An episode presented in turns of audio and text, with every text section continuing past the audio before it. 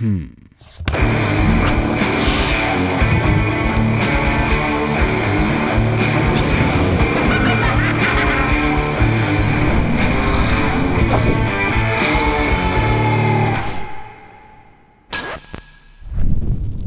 Zdravo svima, dobrodošli u specijalno izdanje Agelas podcasta u saradnji sa Sarajevo Film Festivalom. Ovoga puta na projektu imamo i sponzore, u pitanju je Mastercard, a Mastercard i Sarajevo Film Festival već nekoliko godina za redom imaju specijalnu nagradu za promovisanje rodne ravnopravnosti.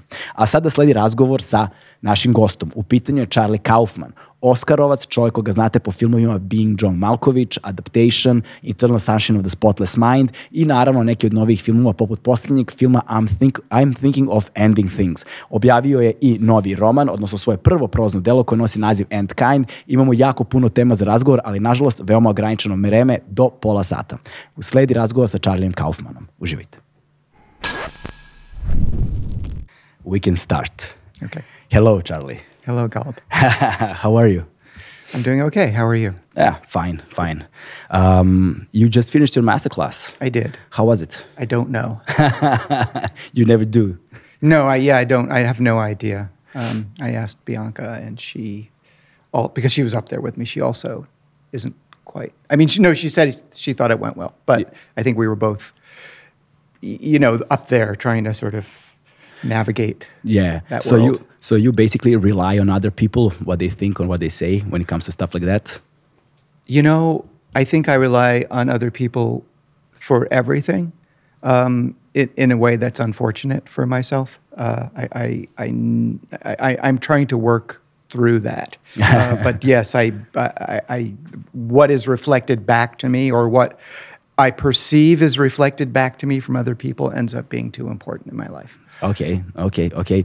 Uh, listen, you know, uh, long time uh, fan here, but it's a completely different experience uh, if you if someone takes your whole life work and jam it into a few days just to you know prepare for an interview, and then all of a sudden, even though you had certain ideas and perceptions of what your films are about or what your your films are like, but once you watch them in a row, you know, uh, then certain different patterns come up to the surface.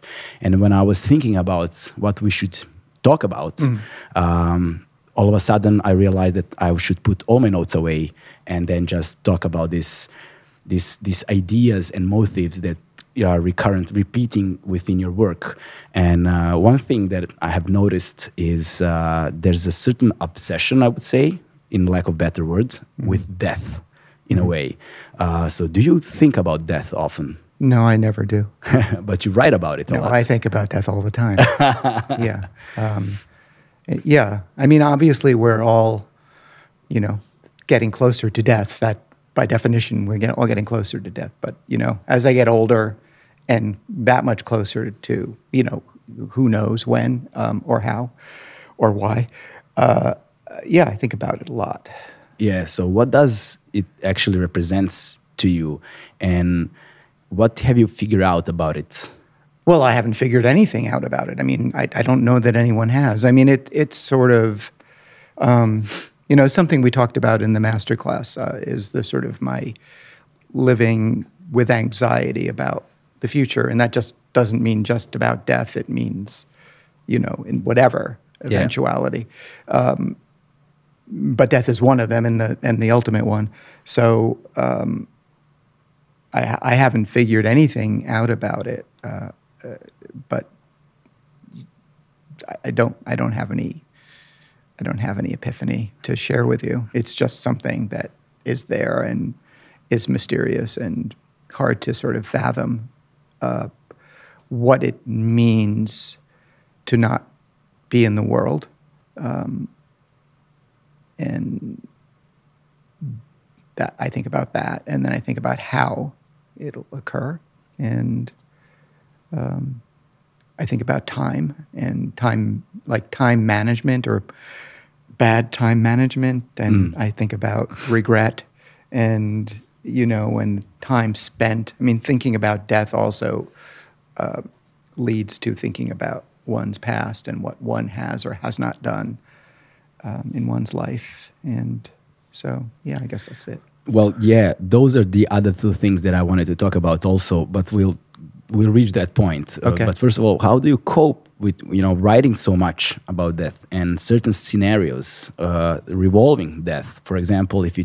take two of your films next to each other, for uh, Synecdoche, New York, and uh, the latest one, I'm thinking about ending thing, things. You know, both of those things revolve around death, but in a different manner, completely different manner.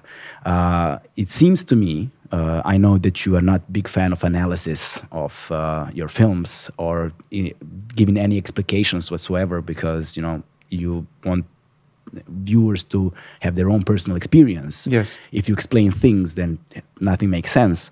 But making the things in the first place, right? But uh, but it seems to me watching your latest film that once you find once you meet Jack as a janitor, you realize seems to me that you know the whole movie that he, we have seen was actually in the lack of better word flashback of his entire life in the moment uh, before he dies uh, and in synecdoche you have you have the beginning and the end of uh, everything begins with dying and ends with dying and at the same time without knowing what's uh, when it's going to come in which way what's going to happen you have two people one obsessing about it and therefore not living life to its fullest and the second one his wife you know not caring about it at all which is the reason why she dies but her short life uh, her shorter life uh, is more fulfilled than his and there's a question about it which one is the worst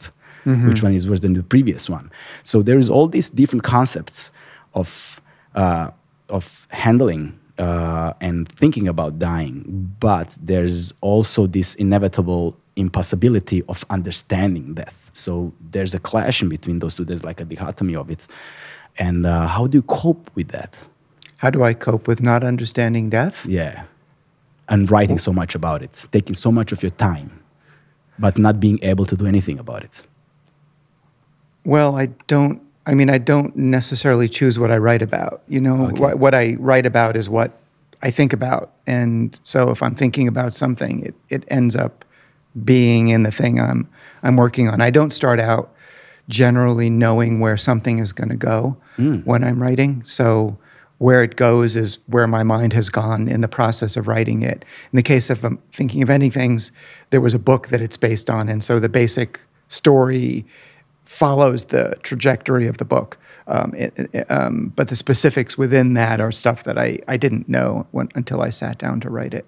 Um, so, you know, I, I, I often have said that my, I, I like to um, think of my work as kind of a Rorschach test, um, and I'm and that and that goes back to what you said about me not wanting to explain things to people because I want them to have their experience. Like I put this out there, and then you interact with it based on your own life and your own thoughts, and um, which you have done, and with the things that you've seen of mine, and um, I think that I have done in the process of writing them.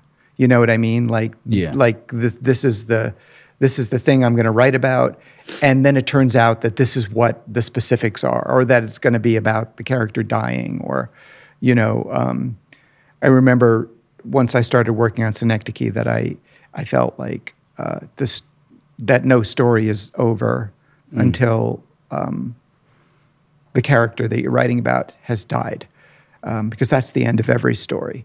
Um, I mean, it's not the end of every story that's written, you know, in terms of fiction, but it's the end of everybody's story. Uh, one way or another, everybody ends up dying. So um, I decided to take that character and follow him through to see what would happen to him in the process of him living his life and then it ending. Uh, and so that was sort of the sort of the initial impetus, and then it just kind of it became what it became. Okay, yeah, but uh, if you say it's a kind of a Rorschach test, the process of writing it, and while you're writing it, you have no idea where you're going to end up. So that means that you're basically somewhere same level as your characters. You're ba- basically making a dialogue with them uh, and yeah. finding out things as you go. But what is then the initial thing that uh, that that that takes you to writing? To takes takes me to writing in general or in Yeah, specific. the specific things. Yeah, for example, Um, Synecdoche, or for example, the latest movie that we've been yeah, talking about. um, I don't know. I I um, You know, You I, have- I, was saying in the in the um, in the master class that I was originally hired um, to write Synecdoche, New York, by Sony Pictures because they wanted uh, Spike Jonze um, and I to do a um, a horror movie, and I started to think about things that were interesting to me as a horror movie, things that were really scary, as opposed to because I'm not interested in the other type of horror movie. So I think I was I was going to think about things that are scary, and um, and all of those things that Caden goes through in that movie are things that I th- thought were scary. They're issues of of loneliness and isolation and failure and um, artistic failure and illness and um, losing the relationship that one has with one's family and um, unrequited love and um, regret Yeah. and death. Um, and so those were the things that I was working with. And um, yeah, and when I took on I'm Thinking of Ending Things, it was, I mean, initially it was somewhat pragmatic. I, I was trying to get a movie made, and I thought that I could have a better chance of getting a movie made because it's been very difficult for me to get stuff uh, made. Was if I wrote um, a thriller, and if it if it was a pre-existing thing like a novel that the studio could look at and go, yeah, we want to make this thriller, and so it was very calculated on my part, and I picked something that was very small. You know, it had two characters and it took place mostly in a car. And that interested me because it seemed impossible to make that interesting. So I wanted to try to figure out how to do that. Um, once I took on, once I got the job, I had to then do something that I felt was true with it.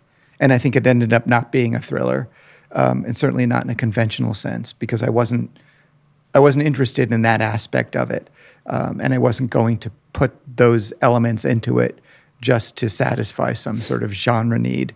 um, so you know, then it was like, okay, now I've got this canvas, and I have to figure out how to paint this story in a way that makes sense to me. And you know, some of the same issues come up. Obviously, there's a, you know, within the within the um, the story that the book is based on. There's there's a kind of an empty life and a failure on the on the and the character is um, trying to decide what to do about it towards the end of his life, and that um, that opened up possibilities for me in terms of things Yeah. that I'm interested in. Of course. Well, uh, interesting thing is that the original book uh, on the back cover it says, "By the end of this book, you're going to be horrified, but having no idea why." Uh-huh. so it kind of fits the profile of something. Yeah, but the book was very violent in um, in in certain ways, and that I didn't include. I didn't. You know, the ending of that book is very gory, um, and I didn't want it. I didn't want to. I didn't want to film that. I wasn't interested in it. Yeah, you were So- interested in more existential type of things. Uh, Yes, exactly. Yeah, because Yeah. because what we see with Jake as a character are those two things that you have repeatedly uh, said uh, during uh, uh, just now. It's uh, it's regret and uh, having a life uh, in which you, he hadn't he haven't had any courage to make anything about it.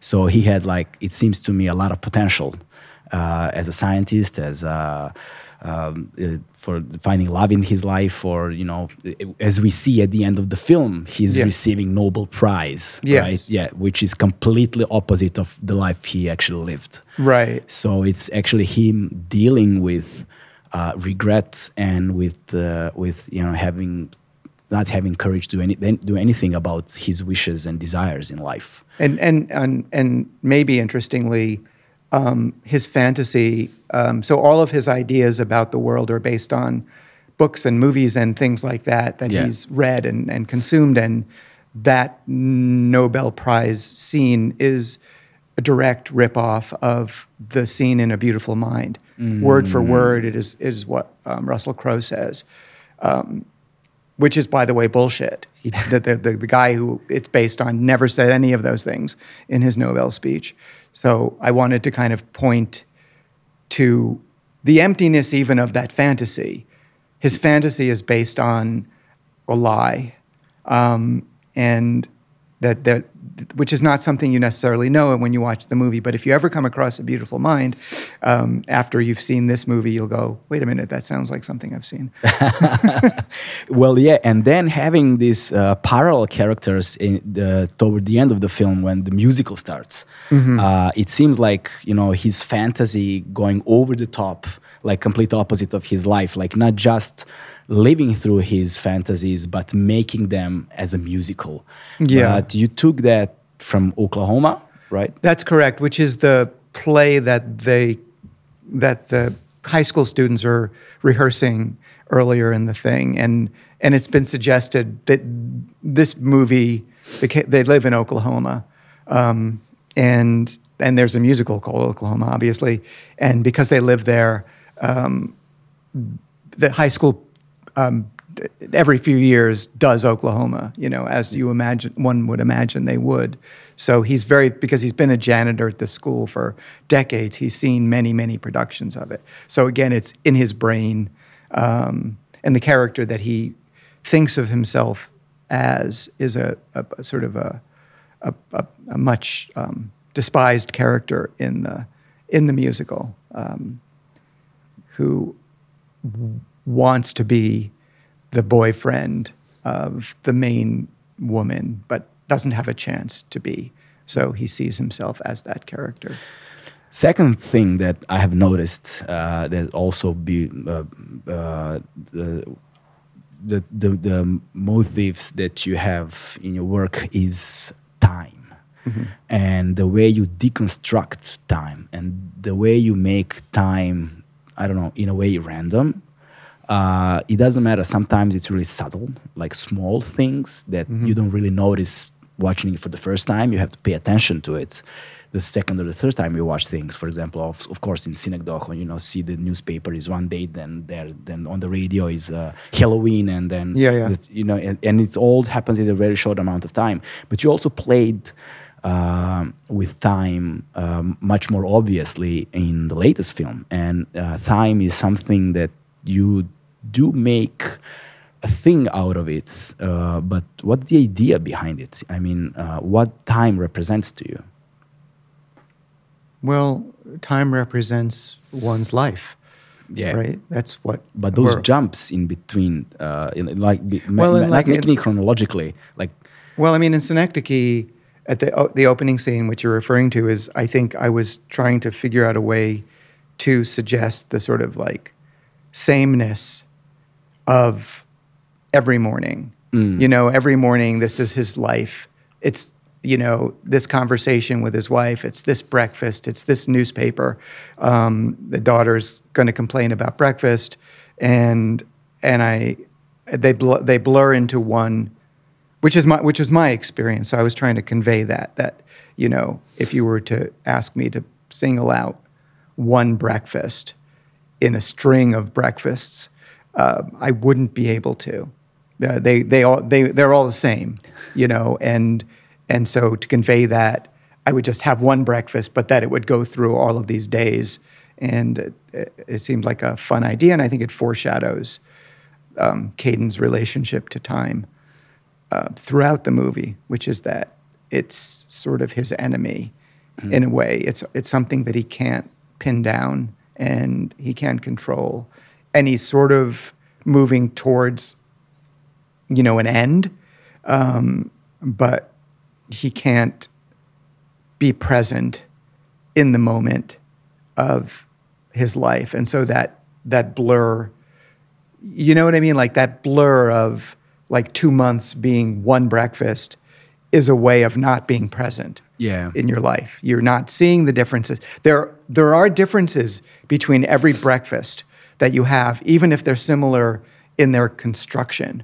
Um, but unless you're paying attention to, to your life, you're not going to see them, and you will remember them as a blur of, and that you know, and that's a, a way to look back at one's life and remember the blur of it, as opposed to the experience of being there for everything, and and which would make your life more full and would slow down the relentless, you know, train of time that uh, you feel like you're experiencing when you don't pay attention. Yeah, but So it- you wake up and it's 17 years later. You know, like Yeah. in, in the play, it's like, you know, we've been doing this for 17 years, Caden, and, and I don't think he knows that. And we as the audience don't know it either because of the way the movie is, you know, set up from his point of view. So it's a sort of a startling thing.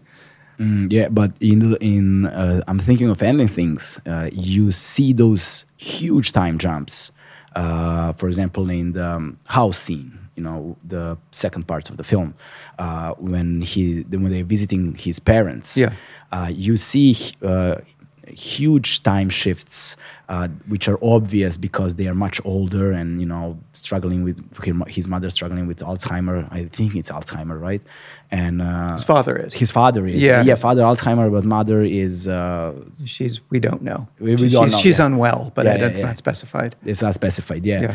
yeah, and um, and thinking about you know what would be the reasons uh, to do something like that. Well, you know, reaching towards the end of the film, you somehow well, that's my deconstruction of it at, at least is that you know he had this imaginary perfect woman who turns out to be the figure of his imagination and uh, then you know imagining for example what it would, would be like uh, to bring her home to meet the parents. But you know not really sure when he's going to do that you know we switch time frames uh, as we do uh, representing you know something which is really difficult to pinpoint in a way. And then seeing this time play is uh, you know it's a it's a it's it's an interesting choice you know f- of uh, things to do uh, within this story. Well, I think if you think about memory um, co- and combine that with fantasy, which is what it is, right? It's Yeah. it's the memory of the various um, interactions that he's had with his parents in his life, and then fantasizing about it with this imaginary woman.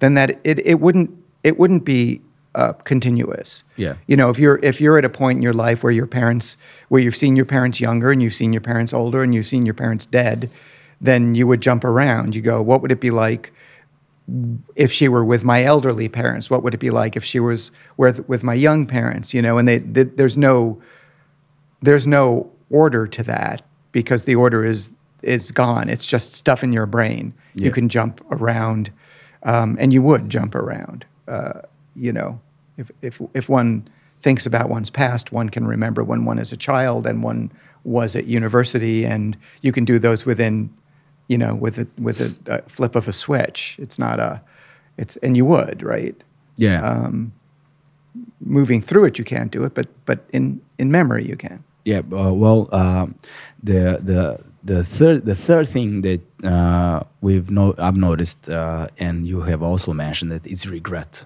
You know, so yeah. Uh, well, then they're signaling me that we don't have much time left. So, Okay. yeah. Uh, so yeah, it's um, it's so death, uh, time, and regret.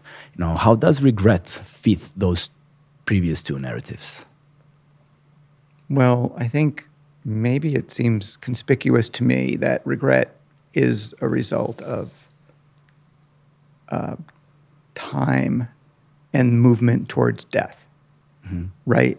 Um, because regret comes from having lived and making decisions that maybe are not good, um, and recognizing that the amount of time you have left is more getting more and more limited, and you cannot correct.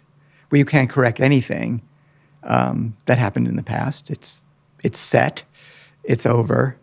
One has to live with it, I guess, and um, but then then you're also dealing with the fact that maybe you want to try to figure out how to change, and you're getting your your time is getting um, more and more limited, as everyone's time does as they move in the trajectory that we all move, which is towards death. Uh, I, that's what I think. Yeah. Okay. Uh, I wanted to ask you a few more questions. Uh, I don't know how much time we have left, but first, okay. But uh, um, uh, when before you started directing, I'm interested in the reason reasons why have you start directing in the 1st place. But before that, you chose very interesting um, directors for your previous films. Uh, you mentioned Spike Jonze uh, and, for example, Michel Gondry also, uh, which I knew them primarily as music video directors and. Yeah. Uh, the films they made for you, the Spotless Mind and Adaptation, right? They were like they were um, they were their jumping board. They were that those were the films that made them directors in uh, in, uh, in in the public eye, uh, like film directors. And how did you choose them? Well, I mean, yeah, the first thing I would say is that it was being John Malkovich that Spike Yeah, yeah, directed. sorry, that yeah, was John- the John- first yeah, thing that I think put him in that world. I mean, he was obviously, both Michel and, and Spike were very successful video directors and commercial directors. Um, uh, before I knew them, um, I, they, I, Spike chose me. Yeah, He, yeah, I mean, well, I, I had written the script being John Malkovich and was kicking around for a long time, and nobody wanted to make it. And Spike read it and wanted to make it, and I was happy that somebody wanted to make it. I didn't know who he was. I I wasn't in that world of, you know, MTV. I didn't know um, that stuff. So, uh, but you know, it turned out to be a very sort of like fruitful uh, uh, relationship that we had, collaboration, and um, and then um, I met Michel through Spike. He- Okay. they were friends, and um, Michel was very interested. He'd read Being John Malkovich. He wanted to make Being John Malkovich, and uh, but Spike had already um, gotten the gotten the rights to it. So um, then Michel and I started to work on uh, Eternal Sunshine, and um, and I needed to write it. And then while I was writing it, Michel was very anxious to direct something. I had another script called Human Nature, which was already written.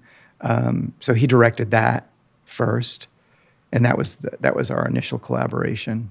Yeah, and that that's that's how that happened. I didn't choose them. Okay, and one last question. Yeah. Well, I got plenty of more, but unfortunately, we don't have time. Okay. Um, Anomalisa, Yeah. you know, the stop motion film, which is uh, based on Fregoli Delusion, which is quite interesting choice uh, Mm-hmm. to to make a stop motion film about. But you collaborated with Dan Harmon on it. He created the the, the stop motion, who we know um, by the show Rick and, Mor- Rick and Morty, right? So Mm-hmm. how did that collaboration start? Yeah, well, that collaboration started with that, with not with Dan. I didn't know Dan, but Dan's partner um, in that company, which is called Starburns, the animation company, is a guy named Dino Stamatopoulos, and he and I had worked together on a comedy show uh, Okay. um, when we were younger, and he he approached me to do it.